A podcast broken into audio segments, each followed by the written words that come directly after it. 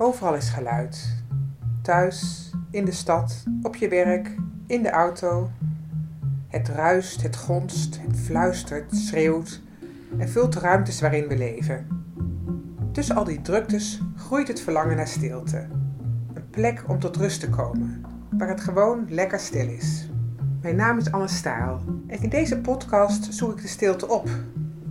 Dat doe ik samen met beroepsstiltenaars. Dat zijn mensen die manieren hebben gevonden om stilte te creëren op onverwachte en soms zelfs chaotische plekken. Samen tasten we de grenzen van de stilte af. Waarom doen we zo moeilijk of juist zo makkelijk over stilte? Hoe kan je stilte verkopen?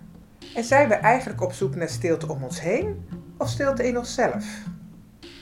Eén ding is zeker: geen enkele stilte is hetzelfde. Dat hoor je in het uur stilte dat ik op al die plekken heb opgenomen. In deze aflevering van Lekker Stil praat ik met Ans Bertens. Zij is geestelijk verzorger in het Radboud ziekenhuis in Nijmegen. Ans laat een ander geluid horen dan in de andere podcast van Lekker Stil. Volgens haar wordt stilte soms geromantiseerd. Stilte is niet, is ook pijnlijk. Het is soms ook, voor ikzelf ook, dat ik, ik soms even niet meer weet wat, nu hier nog. Hè? Wat kan ik hier nu nog doen? Of wat, wat is er nog voor de ander aan hoop, aan moed, aan uitzicht? Dat is er gewoon niet altijd. Voor patiënten is stilte soms uithouden. De klok langzaam vooruit zien gaan, vooral in de nacht. Dus patiënten spreken ook vaak over de stilte van de nacht, de slapeloosheid. Dan liggen ze in bed en dan tegenover hen is een, hangt een klok. Dat ze elke vijf minuten die klok zien. En dat, ja, dat is ook een aspect van stilte. Hè? Dat is de, dan is stilte zoiets als woestijn, als nacht, als het, ja, het voorbij aan onze arbeid en niets kunnen doen. Stilteruimte in het Radboud ziekenhuis is belangrijk nu en straks ook bij de nieuwbouw waar het een centrale plek krijgt in de hal. Soms wordt deze ruimte een extra collega genoemd, die iets toevoegt dat anderen niet kunnen toevoegen. Onze collega's die noemen de stilteruimte een extra collega. Dat is mooi ook, hè? Die stilteruimte doet iets wat wij niet kunnen doen. Dus die ruimte die er is, een open ruimte waar iedereen mag komen, werkt. Ik wens je veel plezier in deze bijzondere aflevering van Lekker Stil. Nou, ik ben Anders Bertens, ik ben geestelijk verzorger, pastor hier in het uh, UMC. Al uh, 20 jaar. En, nou, mijn belangrijkste taken zijn patiëntenzorg en het begeleiden van mensen die bij ons een opleidingstraject volgen. Ja, het is een heel groot ziekenhuis. Ja. Met heel veel polyklinische patiënten natuurlijk. Dus er komen heel veel mensen en, en in, in dit bedrijvige geheel, met al die medewerkers en al die patiënten die langer of korter blijven, uh, is er dan een stiltecentrum? Ja. Kan je uitleggen, ja. wat dat heeft, daar worden mensen niet beter van? Nou ja, word je er beter van of niet beter van? Het blijkt dat toch mensen best vaak zo'n plekje opzoeken. Om even tot zichzelf te komen, een kaarsje op te steken, even stil te zijn. We hebben er sinds een paar jaar ook uh, de gelegenheid dat mensen daar kunnen mediteren op een bankje of een kussen. Er wordt ook regelmatig gebruik van gemaakt. We hebben natuurlijk in de stilteruimte een ruimte speciaal voor moslims. Wordt ook heel veel gebruikt. Ja, door bezoekers, door medewerkers en ook door patiënten. Ja, en, en weet jij wie er komen of waarom ze er naartoe gaan? Ja, dat, dat weet ik wel en niet. Kijk, er ligt een schrift in de stilteruimte, daar schrijven mensen dingen in. Hè, voor iemand die is opgenomen, voor, gewoon voor wie mensen willen bidden of aan wie ze even willen denken. Soms zijn dat mensen die overleden zijn, die hier overleden zijn.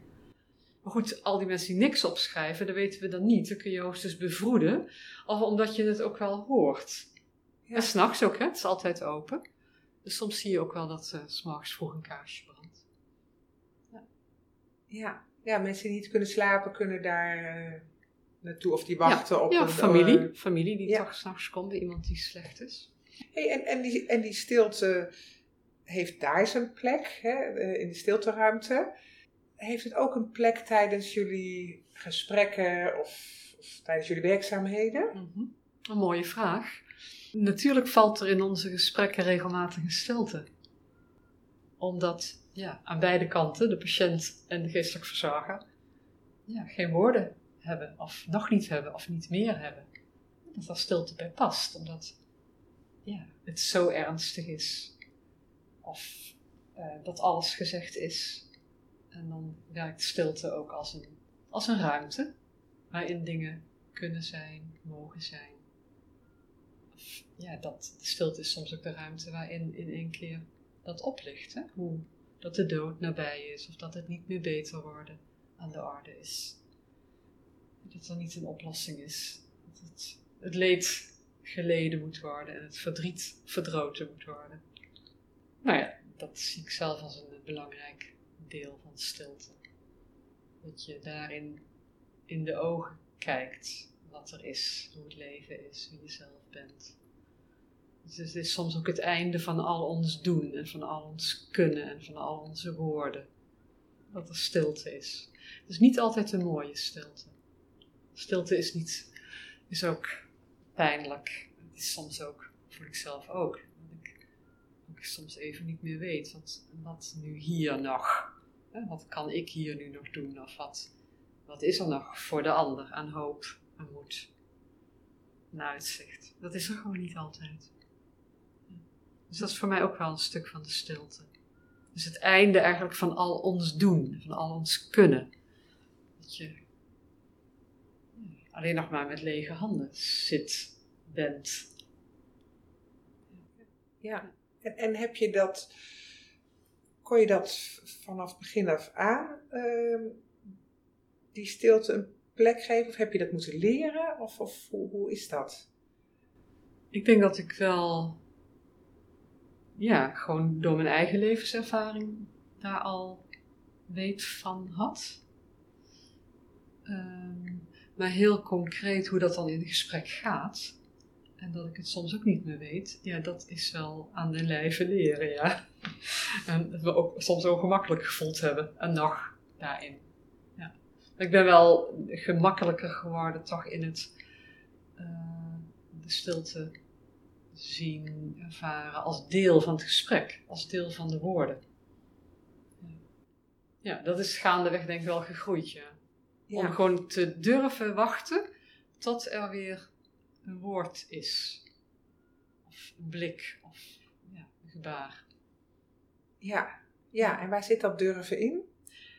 Nou, ehm, ik weet niet hoe het voor de ander is. Ik kan, ik kan zelf dan denken, nou, nou, ik, ik wacht, maar dan weet ik niet of voor de ander dat, dat, of de ander dat kan, hè? dat wachten. Of dat hij iets van mij verwacht. Of eh, ongemakkelijk vindt. In het algemeen vinden wij mensen stilte ongemakkelijk in een gesprek. En je zegt eh, eh, net heel terecht, denk ik, maar die stilte is niet altijd fijn of mooi. Ik, die podcast heet Lekker Stil. Wordt de stilte ook niet een soort geromantiseerd op het ogenblik? Ja. Ja, daarom zei ik dat denk ik ook. Ik denk dat stilte wel geromantiseerd wordt, ja. Kijk, we hebben natuurlijk een ontzettend rumoerige wereld en dan is stilte fijn, maar voor sommige mensen is dat heel eng. Juist omdat er altijd geluid is. Kijk, en als ik met een patiënt in contact kom, dan weet ik nog niet hoe het voor die ander is. Ik kan daar zelf misschien mee geoefend hebben in mijn leven, of daar op hebben toegelegd, of daarvan houden, maar dat het niet, niet zomaar bedreigend is, maar ik weet nog niet hoe het voor de ander is. Dus ja, er is heel veel mooie stilte als je in een bos wandelt, of ja, op een fijne, mooie avond met iemand van wie je houdt, of na gedane arbeid. Maar er is ook de stilte van uh, niet meer weten. Dus patiënten spreken ook vaak over de stilte van de nacht, de slapeloosheid. Dan liggen ze in bed en dan tegenover hun is een, hangt een klok. Dat ze elke vijf minuten die klok zien. En dat, ja, dat is ook een aspect van stilte. Hè? Dat is de, dan is stilte zoiets als woestijn, als nacht, als het ja, het voorbij aan onze arbeid en niets kunnen doen. Dat is de nacht ook een beeld. Hè? De nacht is een beeld zoals de stilte eigenlijk. Dat je niet iets meer kunt doen. Ja. En dat je niet weet dat je op een uitslag wacht als patiënt. Of dat je uh, in het ziekenhuis ligt, maar eigenlijk vooral zorg hebt om de mensen die thuis zijn. Die misschien ook ziek zijn. Dus de, de nacht is ook wel een, uh, een periode van stilte die zorgelijk kan zijn. Dan zijn er ook weinig andere impulsen en dan, ja, kan het bedreigend zijn, en zorgelijk en somber. En, en, deze omgeving is natuurlijk zo anders dan een, um, een klooster zoals met Thomas Kwartier werkt, dan die andere podcast mee hebt, die, ja, die kiest voor de stilte. Hij, hij kiest voor de stilte in het klooster. Maar mensen die hier komen kiezen niet voor de stilte. Nee. Maar ik denk dat ook uh, een monnik in een klooster niet altijd blij zal zijn met de stilte. Nee. Je komt jezelf tegen. Ja. ja. En zieken komen ook zichzelf tegen. Een ziekenhuis is natuurlijk toch waar heel veel gedaan kan worden. Hersteld kan worden, behandeld kan worden, iemand kan genezen. Maar lang niet altijd. Er is zoveel wachten, onzekerheid. Opnieuw iets proberen, nog een nieuwe behandeling, nog iets. Weer naar huis en terug moeten komen. Ja, dat hoort wel bij een ziekenhuis. Ja. Dus er is ook letterlijk, er is veel te doen. Hè? Er, er, gebeurt veel. Er komen heel veel hulpverleners aan je bed, heel veel zorgverleners. Moet voortdurend moet er iets, een onderzoek of een uitslag. Of, dus ik had, vorige week sprak ik met een patiënt die zei: De hele dag door staan ze aan mijn bed. Ik mis zo de rust en de stilte. Dus ik zei: Nou, je kunt echt vragen. En toevallig kwam een verpleegkundige binnen, hebben we dat geregeld. Dat zij uh, een bepaalde periode op de dag, een uur of anderhalf uur, kwam een briefje op de deur dat er niet iemand bij haar binnenkwam. Ja, mooi. Dus dat is echt de stilte die iemand dan zoekt, omdat het zo druk is. Ja, ja. en dat kan dus ook. Ja, ja dat kan. Uh, want we hebben het al net even gehad over stilte in gesprekken. Uh, stilte tijdens rituelen, geef je dat ook vorm of, of hoe, hoe werkt dat? Ja, misschien is ritueel zelf wel een bepaalde vorm van stilte. Omdat je ook gebaren stelt. Je raakt iemand aan, je legt iemand de handen op of je zegent iemand. Um, of je laat mensen die rondom een stervende of ernstig zieke staan, uh, laat je ook um, een zoen geven of iets zeggen. Dus ook al wordt er gesproken, is het toch denk ik, ja, zou je het wel, is het een vorm van stilte ook. Omdat je iets doet wat, um, als je van buiten kijkt, uh, zinloos iets is. Het is van een andere orde. Ik voel dat bijvoorbeeld heel sterk als ik um, op neonatologie bij een pasgeboren kind. Dan doen we een, soms een doop, hè, als ouders daarom vragen, als dat kindje echt in levensgevaar is. Ja, dan ben je in zo'n ruimte waar, waarin alleen, allerlei medisch-technische apparatuur is. En dan zet je daar een tafeltje neer en dan zet je een mooie zilveren schaal op en dan staat een kaars. Dat is, ja, ten opzichte of in vergelijking met die medische apparatuur zijn dat zinloze dingen. Wat heb je daar aan een mooie schaal en een mooie kaars? En toch is dat wat daar in één keer betekenis geeft aan wat er is. Dat die ouders ook voelen, ja, dat kindje van ons, dat gaat het misschien niet redden, misschien ook wel. Dit is wat we willen doen. We willen dat kindje, nou ja, aan God toewijden. Uh, en voor bidden. Water over het hoofdje. Allemaal rare gebaren die ons toch heel veel zeggen. Die iets doen met ons. En met dat, met, uh, met dat kind en met die ouders. Dat is ja, toch ten diepste het geloof dat, dat, ja, dat het helpt. Dat we daarmee helend zijn. Nou, eigenlijk iets uit handen geven. Ons doen neerleggen in Gods handen. Dat zijn allemaal hele grote woorden, maar ja, met die gebaren stel je op de een of andere manier een andere werkelijkheid present, die er toch altijd wel is. God is niet afhankelijk van ons, maar ja, je stelt dat daar present. En mensen voelen dat, voelen dat feilloos aan. Hier, hier gebeurt iets anders. Als we dat kindje aanraken met water of met olie, dan, ja, dat zijn zinvolle gebaren. Maar anders zinvol dan een infuus aansluiten. Ja, en, en gebaren met veel stilte eigenlijk. Eigenlijk wel, ja. ja. ja. Je zegt daarin het hoognodige. Ja. Je, ja, de stilte zit ook in de woorden, in de diepe geladenheid die de woorden krijgen. Dus ik doop jou in de naam van de Vader en de Zoon en de Heilige Geest. Of ik zalf jouw tere lichaampje. Ja, dat, dat... En omdat je niet zeggen kan, zijn die standaardwoorden, zeg maar even. Hoe zou je dat noemen? De al oude ja, woorden. Ja, de rituele woorden eigenlijk. Ja. ja. Ik zalf jou of ik, ik, doop jou. Dat zijn rituele woorden. Ja. Die, die betekenis hebben omdat we die, dat we op de een of andere manier kennen wij die rituelen. Ja. Dus uh, het ritueel werkt uit zichzelf ook. Er is zoveel wat in ons leeft wat niet gezegd wordt, wat stil blijft, maar wat er wel degelijk is. Ja, en er is natuurlijk ook nog, dat is, weer, dat is niet zozeer rituelen, maar er is ook de stilte van de dood. Dus er gaan elke dag denk ik wel mensen dood hier. Ja, soms ben je daarbij dat iemand sterft of dat je gevraagd wordt om te bidden bij iemand die zojuist is overleden. En dat, ja, daar houdt, hè, een collega vertelde toevallig nog vandaag dat ze in een overleg van palliatieve zorg, ze spraken over een patiënt en terwijl ze aan het spreken waren, kwam er een berichtje. Dat zien ze dan in het elektronisch patiëntendossier, dat die man, vrouw, weet ik niet, net was overleden. Ja, dan stopt alle overleg, alles stopt. Hè? Dan is er. Ja. ja, dat maken we natuurlijk ook mee. De dood is erg stil. Ja. Het heeft wel iets ontzagwekkends. Voor mij ook hoor. Om daarbij te zijn of ja, binnen te komen in een kamer waar net iemand gestorven is. En dat, dat, ja, dat, dat maakt iedereen ook wel stil. Soms in vrede, soms met veel verdriet. Maar ja, dat zijn wel heel expliciete situaties waarin er niet meer iets gezegd kan worden eigenlijk. En die ander ook nooit meer iets zal zeggen. Ja, dat is het leven.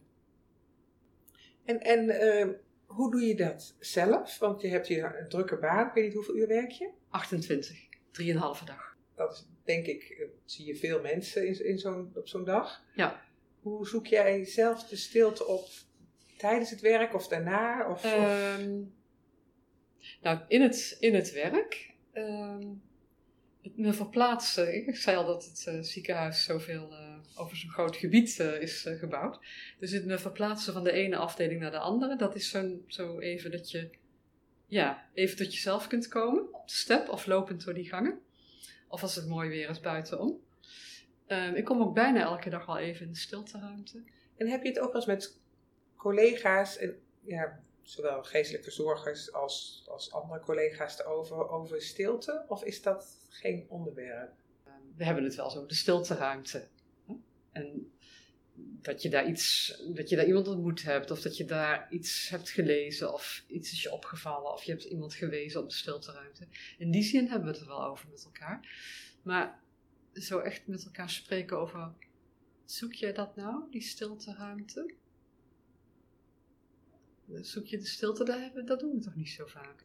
Ik merk het ook een beetje met die interviews. Eigenlijk is stilte ook best een beetje intiem. Ja, klopt. Ja. Uh, en dat, ja had ik ook niet zo in de gaten, eerlijk gezegd. Maar het is ergens een soort intiem van, goh, hoe ga ik het allemaal vertellen wat mijn stilte is? Ja, ja.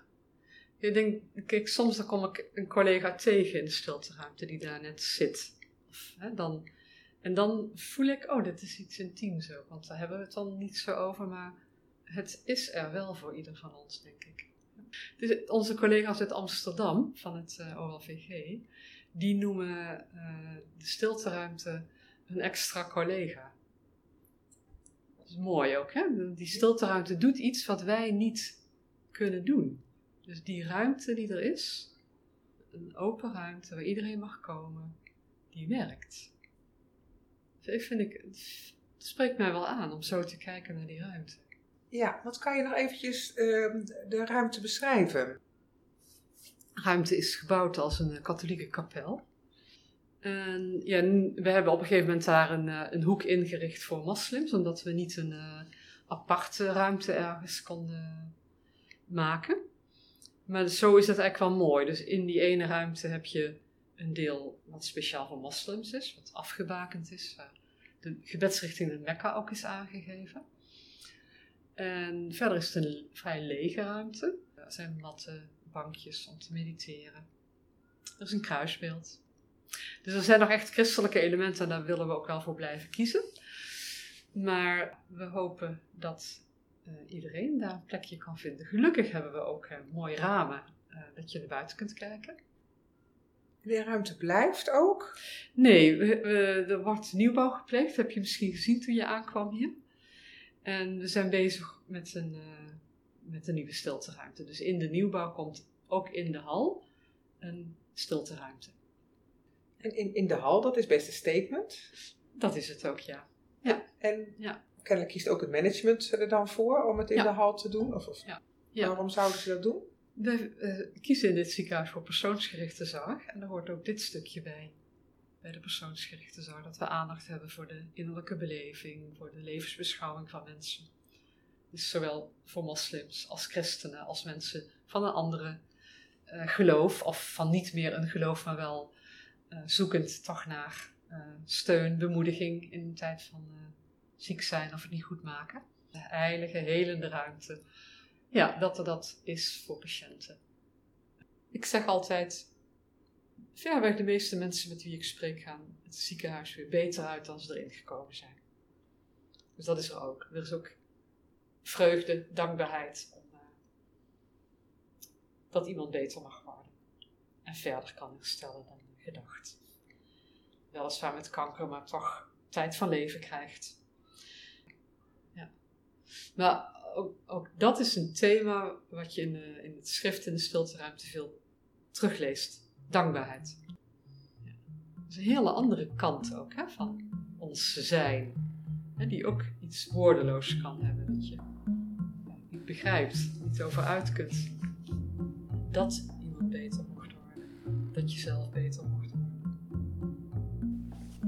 ik hoop dat je genoten hebt van het interview met Ans Bertens van het Radboud Ziekenhuis in Nijmegen. Natuurlijk heb ik op deze plek ook een uur stilte opgenomen.